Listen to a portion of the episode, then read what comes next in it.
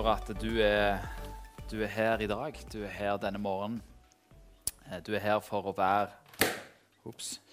For å være her sammen med oss eh, og for å være her hos oss, Jesus. Jeg takker deg for at du, du ønsker å være med oss mennesker. Ja, du har faktisk dødd for å gjøre det mulig. Og jeg ber om at vi som eh, ditt folk skal søke deg, Herre, av hele vårt hjerte. Eh, sånn at vi følger deg der du går, og vandrer på dine stier, Herre. Amen. Jeg vet ikke om du har lagt merke til at Hvis du bruker mye tid sammen med en person, så begynner dere å ligne på hverandre. Hvis dere, dere begynner å bruke de samme frasene, de samme uttrykkene når dere snakker. Derfor er det òg sånn at hvis vi skal bli gjort like med hans sønns bilde, så må vi tilbringe tid med han. Nå snakket jeg mye om tidsbruk i forrige uke, så jeg skal ikke fortsette på det nå. Eh, Men eh, som kristne så er vi kalt til Jesus. Og da må vi òg bruke tid med han i bønn.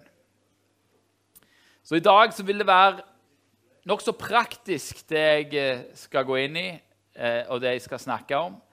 Eh, Jeg eh, vil gi praktiske tips og triks, eh, og det skal handle om bønn.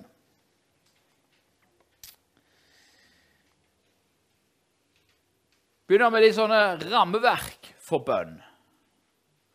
Hvor og når skal jeg be? Sier Bibelen noe om det? Nja, ikke direkte. Det står ikke sånn at du skal, du skal be da, du skal be da, alltid. Men det kommer noen hint. Som i Salme 5, vers 4. Om morgenen hører du min røst, Herre. Om morgenen legger jeg min sak fram for deg og venter. Eller Salme 88, 14. Men til deg har jeg ropt, Herre. Om morgenen kommer min bønn deg i møte. Det er noe med det å begynne dagen i bønn. Det er noe med når du står opp om morgenen og legger dagen i Guds hender.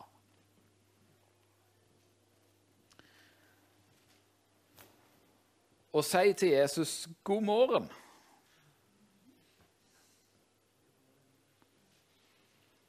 Salme 99, 147-148. Der står det at jeg var tidlig oppe i morgengryet og ropte om hjelp. Jeg venta på dine ord. Mine øyne var, var våkne i nattevaktene for at jeg kunne grunne på ditt ord. Så Her ser man altså at det er eh, både morgen og i, i netter så kan man be.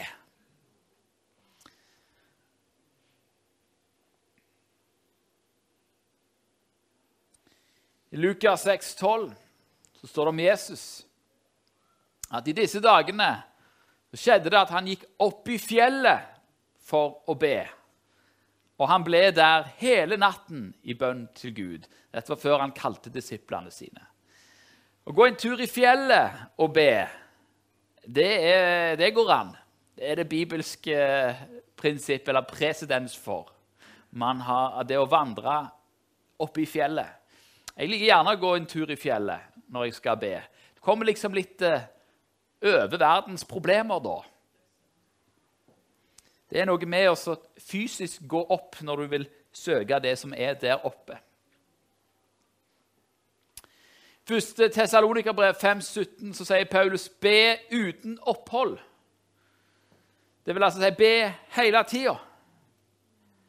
Så ikke bare, ikke bare på morgenen og ikke bare på natta, men òg hele tida. Og om Jesus sier det også i Lukas 5, 16 at han dro seg tilbake til øde steder og var der i bønn. Altså, dro vekk fra folk der det ikke var noen, Om det er oppe i fjellet eller langt inn i skogen. Øde steder. Han var der i bønn. Så sier Jesus i Matteus 6,6.: Men du, når du ber, da gå inn i lønnkammeret ditt og lukk din dør. Altså i det lønnkammeret, det skjulte rommet.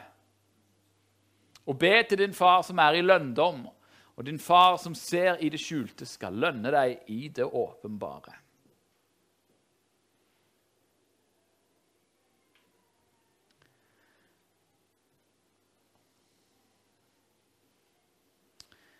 Så vi ser altså at eh, eh Og i, i Apostlenes gjerninger eh, 10 så, så, sier, så står det om, om Peter. Dagen etter, mens de var på vei dit og nærmet seg byen, gikk Peter opp på taket for å be. Og taket i, i en jødisk sammenheng det var oppe ut på terrassen, egentlig. Han gikk ut på terrassen for å be. Det var omkring den sjette time. Den sjette time det er klokka tolv. Så her har vi altså Bibels presedens for å be på morgenen, for å be midt på dagen, for å be på kvelden og for å be hele tida. Eh, og vi skal be i det skjulte rommet vårt, vi skal be på terrassen, vi skal be på øde steder og i fjellet. Hvor og når skal man be? Jo, hvor som helst, hva tid som helst. Alltid uten opphold. Det å gjøre seg gode rutiner for bønn, det kan være viktig. Med hvem skal du be?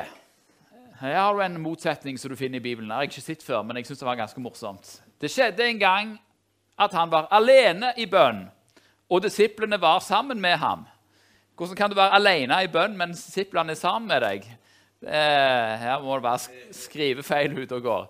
Men eh, det å være alene i bønn, det er viktig. Det å måtte kunne snakke med Gud alene. Men så er det òg nyttig og hjelpsomt å kunne snakke med Gud sammen med andre.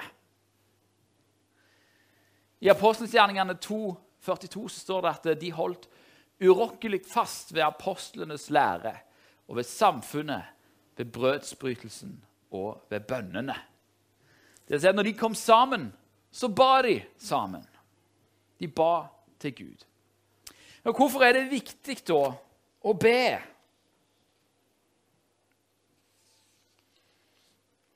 Jo, det som er viktig med å be, det er at eh, bønn er vår inngangsport til, til Gud.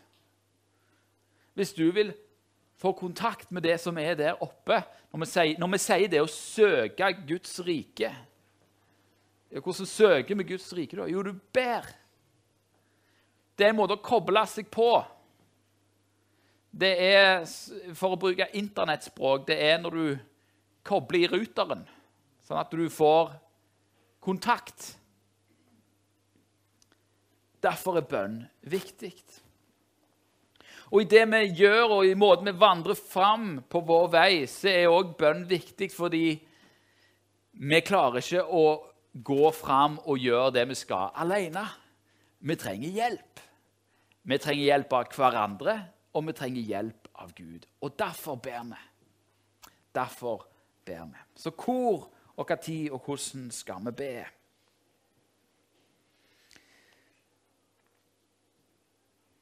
Og jeg syns det er kjekt. Jeg har gjort en del av dette med å gå ut og be alene. Det, det kan være fantastiske ting. Eh, og jeg har hatt noen viktige øyeblikk der jeg har vært ute og bedt. Eh, og det har vært på dagen. Jeg har faktisk òg vært ute midt på natta og bedt. Det var ikke en kjekk opplevelse. Da skreik jeg mest til Gud fordi jeg var fortvilt over ting i livet. Så da fikk jeg ikke sove, så da gikk jeg ut i skogen og så sto jeg der og skreik. Og slo på et tre. For det er lov. Yes, Du kan komme til Gud med akkurat sånn som du er, eh, akkurat sånn som du er, akkurat sånn som du har det. Jeg har praktisert det å be om morgenen. Nå om dagen så ber jeg veldig masse. Jeg er ikke en sånn person som, som, det, som jeg syns er veldig lett å be. Eh, jeg må sette meg ned og ta meg tid til å be. Men jeg har jo funnet ut det at det, er noen, det er noen plasser det kan være godt å be. Her på Betel så har vi morgenbønn fra åtte til ni. Og Det som er fantastisk med morgenbønn, det er at jeg trenger ikke være klar for å be når jeg kommer der. Jeg trenger ikke å føle at ja, nå, nå føler jeg veldig for å be. Jeg bare kommer der, og så begynner vi å be. Uh, og det som er så godt når vi kommer sammen for å be, det er at noen er veldig klar for å be. Og du blir skikkelig velsigna av det. Uh, og så Noen ganger er du veldig klar for å be. Andre ganger er vi ikke så klar for å be. Men når vi kommer sammen og setter av tid for å be, så skjer det noe. Uh, så blir vi hjulpet inn i, i, samfunnet med Gud. Vi blir hjulpet inn i, i hans nærvær. Og det trenger vi. Du kan be med familien rundt frokostbordet, rundt middagsbordet. Før du går og legger deg, så kan du be, og du kan takke. Det å um, sette av tid til bønn, det er viktig. Så er spørsmålet da hvordan skal jeg be? Det er jo et spørsmål mange har. Hvordan skal jeg be i mitt liv? På hvilken måte ber jeg? Jo, vi er jo pinsevenner, så vi er jo veldig glad i fri bønn. At du bare, du bare, ber det som skjer, altså du, det du føler for der og da. Du bare ber det ut. Ber det ut. Ber med løfta hender. Ber mens du hopper og danser. Sant? Noen ganger kan det være godt å stå og be. Andre ganger kan det være godt å sitte og be. Noen ganger kan det være godt å ligge flatt ut på gulvet og be. Jeg har gjort alt dette. Jeg håper du òg gjør disse tingene.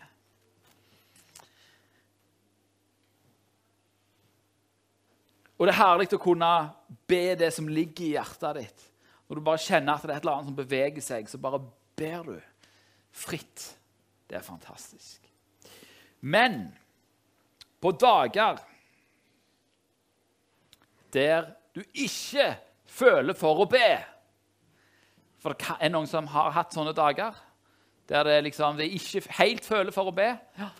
Det kommer noen av de.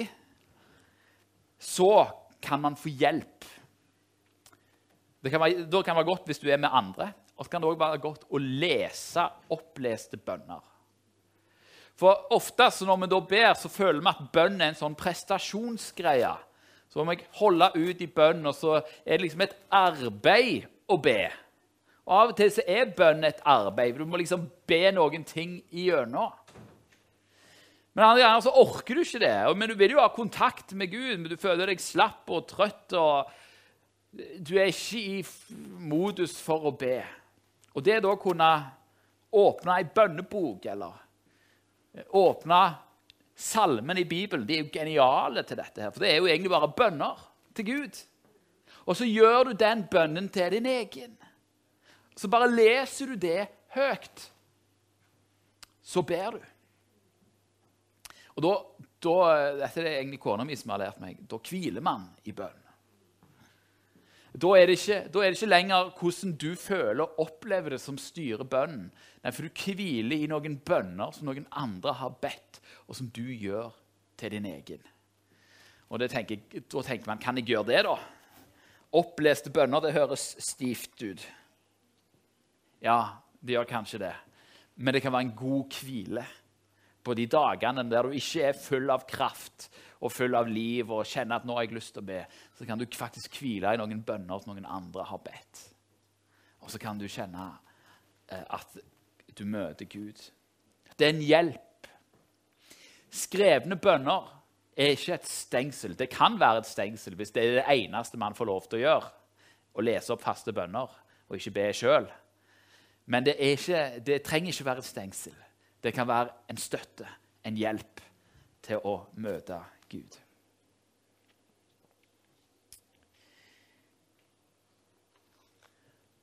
Så har vi jo dette òg at uh, i bønn så er, tenker vi jo ofte at uh, Eller måten vi opplever bønn på, er at vi sier masse ting til Gud, og så er vi ferdige med det, og så går vi. Men i bønn Bønn er jo dialog. Og da er det to måter å høre hva Gud sier på. Det ene er å, å be ting, og så være stille. Mange plasser i Bibelen så står det 'vent på Herren'. Hva betyr 'vente på Herren'? Jo, det betyr at du venter. Du sitter og, og, og sitter der til du hører han sier noe. Til du kjenner et eller annet i hjertet ditt. Yes. Og det å ta seg tid til det og si Herre, du, nå har jeg lagt alle mine bønneemner foran deg, men nå setter jeg meg ned så venter jeg på hva du har å si. Krever litt trening, kanskje, men det er viktig. Det er en god ting. Og det, det er en ting vi ikke gjør for mye av i, i vårt samfunn. For når vi har ledig tid istedenfor å ta en stille stund, så underholder vi oss sjøl med å finne fram et eller annet på telefonen. Det er i hvert fall sånn jeg gjør. Nå har jo jeg sagt at jeg ikke skal se på YouTube. Det er jeg jo bekjent for alle dere. Jeg klarer å holde det. Eh, selv om det er mye annet å se på så, som ikke ligger på YouTube. Men eh, her om dagen så, så, klarte jeg da, i går så, så, sånn, så, så klarte jeg faktisk da bare legge vekk telefonen og si ja, ja, hva skal jeg gjøre nå, da? Det, ja, nei, du kan slappe av litt da, Thomas. Så sovna jeg rett og slett på sofaen. Det var kjempeherlig. Powernap på en halvtime.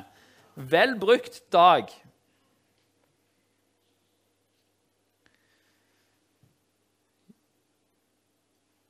Det å sitte stille og vente Vente på at han skal si noe. For det er ofte det vi ønsker. Når vi ber, så er det ja, vi, vi ønsker å utøse vårt hjerte for ham. Men du verden så ønsker vi at han skal si noe til oss. Det å lære seg å sitte stille. Og så er det jo da Be i sammenheng med denne her. For her er jo Guds ord. Hvis du har veldig konkrete eksempler, så er det Be først. Les.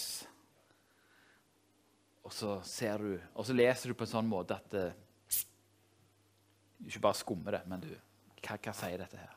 Og så lar du Guds ord treffe deg. Da lever du i kommunikasjon med Gud. Du ber, og så lar du deg treffe. Så lar du han snakke. Det er fantastisk når at Gud snakker.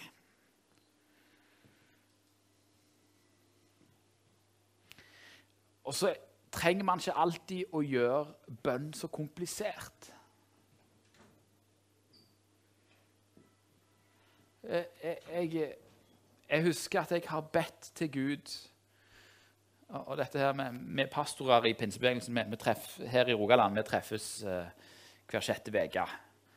Uh, og Da var det en som sa det, og, og jeg, har bedt den bønnen. Og, og så må vi ikke glemme pastorenes viktigste bønn og vanligste bønn, og det er bønnen 'Hjelp'. Hjelp meg. Det er det å bare be om hjelp. Når du ber Gud om hjelp, så svarer han, så kommer han, og så hjelper han.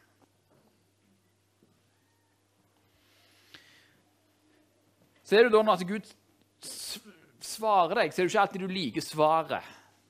Sånn er det jo ofte. Sant? Jeg, jeg, brukte jo ti år jeg, der jeg spurte Herre, hva vil du jeg skal gjøre for noe?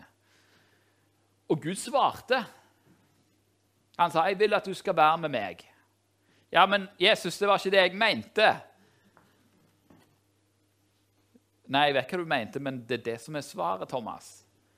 Før du kan være med meg, før du har forstått at det er det å være med meg som er poenget, så, så, så, så betyr ikke noe av det andre du skal gjøre noe.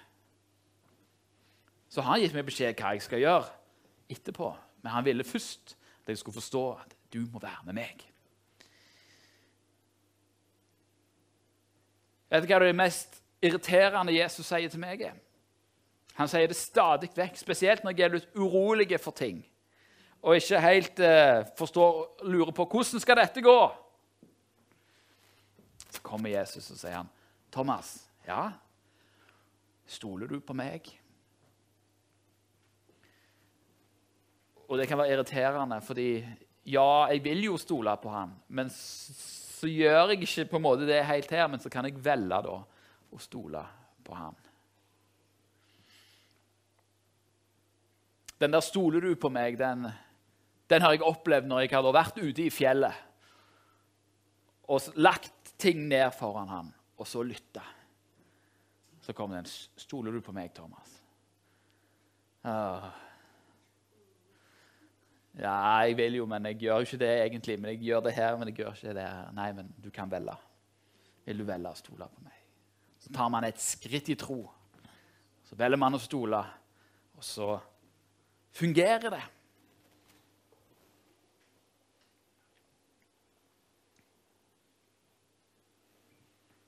Feserbrevet 6, 18. Dette er for pinsevenner. Be til enhver tid i ånden med all bønn og påkallelse. Vær årvåken i dette med all utholdenhet i bønn for alle de hellige. Du vet, Hvis du har eh, blitt døpt i Den hellige ånd og har fått bønnespråket, har fått lov til å tale i tunger, så er jo det et personlig bønnespråk som du kan skru på hva tid som helst. Og Av og til så lurer jeg på Jeg som da taler i tunger, og som har fått den gaven og fått det redskapet og den hjelpen, så er det ja, hvorfor taler jeg ikke i tunger mer? Jeg bør jo tale i tunger hver dag. Paulus sier jo 'jeg taler mer i tunger enn dere alle'. For meg sjøl. Og, og, jeg har jo gjort det noen ganger. og Jeg skal gi dere noen sånne tips og triks til hvor det er kjekt å tale i tunger i dusjen om morgenen. Hvis du, er, er sånn, ja, hvis du dusjer på morgenen, sånn som jeg gjør. Jeg jo, klarer ikke nesten å uttrykke ord på morgenen. Men, men da å kunne be i tunger mens jeg dusjer mm. Be i tunger mens jeg kjører bil. Det er ingen som hører. Hvis det er noen som ser, så kan det være at de tror du krangler med noen eller, eller uh, synger på en veldig aggressiv sang. Men, men, det er fantastisk. Når du går ute i skogen på øde steder, be i tunger. Jeg har bedt i tunger, jeg, på vei til, inn til Bryne sentrum. Når jeg har gått. Det går fint an. Du trenger ikke be høyt i tunger, men bare be i tunger. Det som er godt med å be i tunger, er at uh, du vet jo ikke alltid hva du skal be om. Derfor er det òg en hjelp. Det er det, det det, Bibelen sier. Helligånd kommer oss til hjelp med sukk som ikke rommes i ord. For Gud vet jo hva vi trenger. Så når jeg ber i tunger, så vet jeg at da ber jeg om noe som jeg trenger. Noe som er nødvendig. Og Noen ganger så kan jeg hvile i det, andre ganger så er det sånn, det er sånn krigstunger. Jeg vet ikke om dere har vært borti det. Jeg har gått her fram og tilbake noen ganger når ingen har vært her. og Skikkelig bedt på, altså. Det er fantastisk. Men det òg be til enhver tid i ånden. Det er med å stadig være i bønn. Du vet, du kan alltid være i bønn. Du går an å be inni seg òg.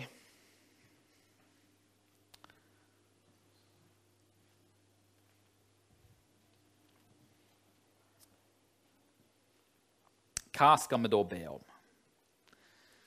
Jo, der er jo Fader vår en oppskrift på hva vi skal be om. Jo, Først så begynner det jo med Fader vår, du som er i himmelen. Det er, du må jo be til Gud. altså Du må jo ta Hvem er det vi ber til?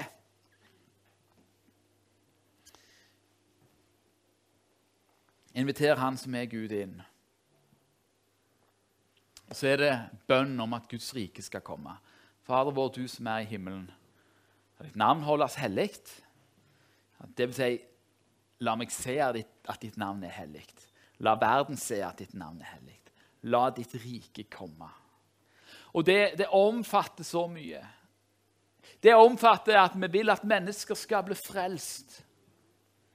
Mennesker som du er glad i, at de skal få møte Jesus.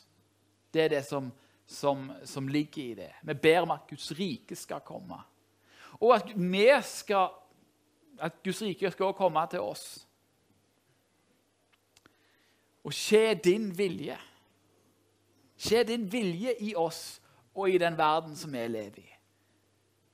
Alt som handler om, om uh, at evangeliet skal fram, ligger jo i denne bønnen. I, i, i min skolelagstid så, så, hadde vi et eh, så hadde vi en sånn eh, Vi hadde en, en eh, Vi hadde et sånt eh, motto som vi stadig sa. Det var at vi skulle arbeide som om alt avhang av oss, og så skulle vi be som om alt var avhengig av Gud. Og begge deler er sant. For for uten meg kan dere ingenting gjøre, sier Jesus. Og Derfor det å leve eh, med den bønnen, leve i bønn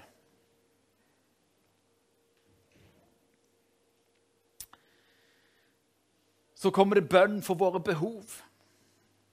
For du har behov. Alle her har behov. Det, det å, å være menneske betyr å ha behov. Og det er helt greit å ha behov. Gi oss i dag vårt daglige brød. Gi oss det vi trenger. Jeg vet ikke hva du trenger, men jeg vet at du får lov til å be til Gud om det du trenger.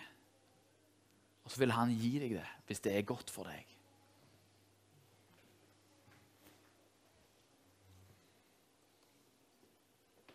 Tilgi oss vår skyld. Har du noe som du vet du har gjort galt? Eller er det noe som du vet du ikke får til? Eller en, en tilbøyelighet til å gjøre synd som du vet er synd? Be om tilgivelse. Omvend deg. Og i samme moment tilgi de som har synda mot deg. Det ligger òg i Fader vår. Tilgi oss for skyld. Forlat oss for skyld, som vi òg forlater våre skyldnere. Så det Led oss ikke inn i fristelse, men frels oss fra det onde. Det tok jeg ikke med som et eget poeng her, men jeg var litt rask kanskje i ja. Jeg skal snakke litt mer om den siste punktet der. Men vi lever jo i en verden ikke, der det ikke bare er gode krefter. Vi lever òg i en verden der det fins onde krefter som vil onde ting. Og Da kan vi be om å bli frigjort fra fristelser og bli frelst fra, fra det onde. Sånn at det onde ikke får plass i livet vårt og ikke får lov til å dra noen lenker rundt livene våre og plage oss. Og så til slutt tilbedelse. For riket er ditt, makten og æren i evighet. Så be om at Guds rike skal komme, og hans vilje skal skje. Be om våre behov. Be om tilgivelse. Tilgi de som har synda mot oss. Be om beskyttelse. Og så tilbe Han for den han er.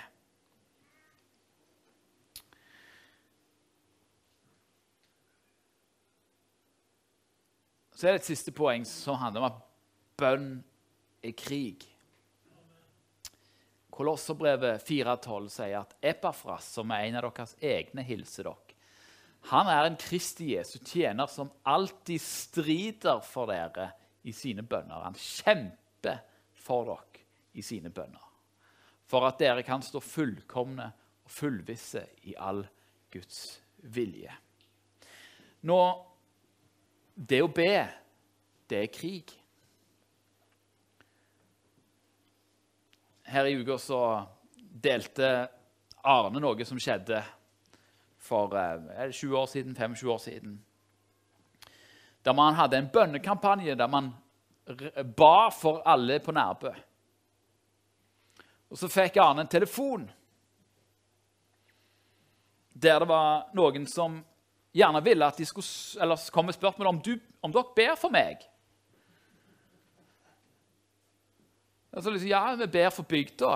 Ja, om dere kunne slutte med det, for jeg mister kraften min. Det var noen som ikke var kristne, men som var på den andre sida. Og som da mista kraften når vi ba. Fordi det er makt i bønn. Det er kraft i bønn. Når du ber, så skjer det noe. Jeg har jobbet som assistent i psykiatrien. Og Ved et tilfelle så var det en pasient som gikk i psykose. Og det var ganske skummelt. Det var midt på natta. Det var ikke kjekt, kjekk opplevelse. Uh, og, og, det var mye kaos, som vi hørte inne fra rommet. Og så kom jeg plutselig på at ja, men Thomas, du er jo kristen. Du er jo frelst. Du kan jo be til Gud. Så jeg bare ba til Gud. Jesus, kom i denne situasjonen.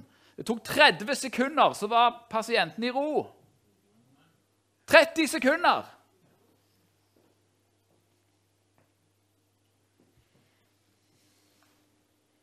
Fordi jeg ba. Det er makt i bønn var på tur med Universitetet i Stavanger. Og så i Midtøsten. Og vi reiste fra Egypt til Israel. Og på grensa mellom Egypt og Israel så kommer flesteparten av oss inn. Men så er det noen av de som er med oss, som da er, har kurdisk opphav. Så De hadde norsk statsborgerskap, men de var født i Iran. Og det klinger ikke godt i israelske ører. Så de ble da selvfølgelig holdt igjen.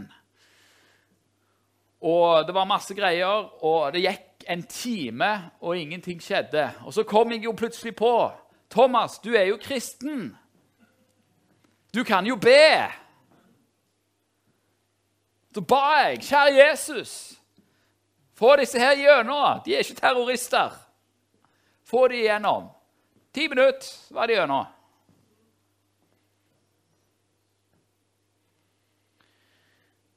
Det er nytt å be. Det er makt i bønn.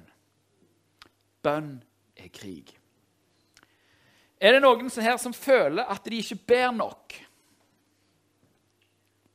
Det, kan være, ja. Er det noen som tenker at nå skal de be, men så er det masse annet som kommer inn og forstyrrer? Er det noen som har opplevd det? Ja? ja. Og du hadde tid, altså Idet du skal begynne å be, så ringer telefonen. Eller så er det et eller annet. Du er ikke alene. Jeg jeg skal Ja, sånn på, på 300-tallet da begynte det å bli populært i, i kirka å, dra ut i ørkenen for å søke Gud. Eh, det er en gruppe av mennesker som er kalt for ørkenfedrene som via hele livet sitt til å faste og be. Eh, og de bare var ute i ørkenen og satt der og ba. Eh, og de ble oppsøkt av folk som kom til dem for å spørre om råd. Sant? For disse hadde jo peiling. Nå skal du høre hva en som heter Agathon. Abba Agathon. Han ble da spurt blant alle gode gjerninger hva slags dyd er det som krever mest anstrengelse. Så svarer han, 'Tilgi meg, men jeg tror ikke at det finnes noe større strev enn bønn til Gud.' For hver gang en mann ønsker å be, så vil hans fiender, demonene, ønske å forhindre ham. For de vet at det er bare ved å vende han fra bønn at de kan hindre hans reise. Hver eneste god gjerning en mann gjør, så vil han finne hvile i, hvile i den gode gjerningen hvis han holder ut i det. Det vil si at Hvis du begynner å gjøre en eller annen god gjerning, så vil det bli lettere til mer du gjør det. Hvis du, det handler om gode vaner og sånne ting. Men bønn, sier Agaton, er krigføring til siste åndedrag. Og hvis han som brukte hele livet sitt på å be, syntes at det var et strev å be. Og uansett hvor mye han ba, så ble det aldri lettere. Da kan du skjønne hvorfor både bønn er viktig, og hvorfor det er så mye motstand knytta til det. Bønn er livsnerven vår. Det er det som er, det er, det som er påkoblingen vår. Det er ufattelig mange ganger jeg før jeg skulle, skulle, skulle, gå og tale og tenkte at åh, nå jeg har ikke kontroll på ting og bla, bla, bla. Og så, Herre Jesus, du må gjøre noe. Og så gjorde han det. Og så ble det et bra møte. Og så har det skjedd andre ganger der jeg følte at dette her har jeg jo kontroll på. Og så har jeg glemt å be. Og det er det som å tale til en vegg. Fordi det handler ikke om min forberedelse primært. Det handler om Han. Som Det handler om Hans ånd. Så hvis ikke jeg ber før en tale, så er det god sjanse Det kan være at noen får ut av det, noe ut av det altså fordi de har bedt. Men, men det er ikke sikkert jeg eh, ja, Det kan være noe, noe som ikke bryter igjennom.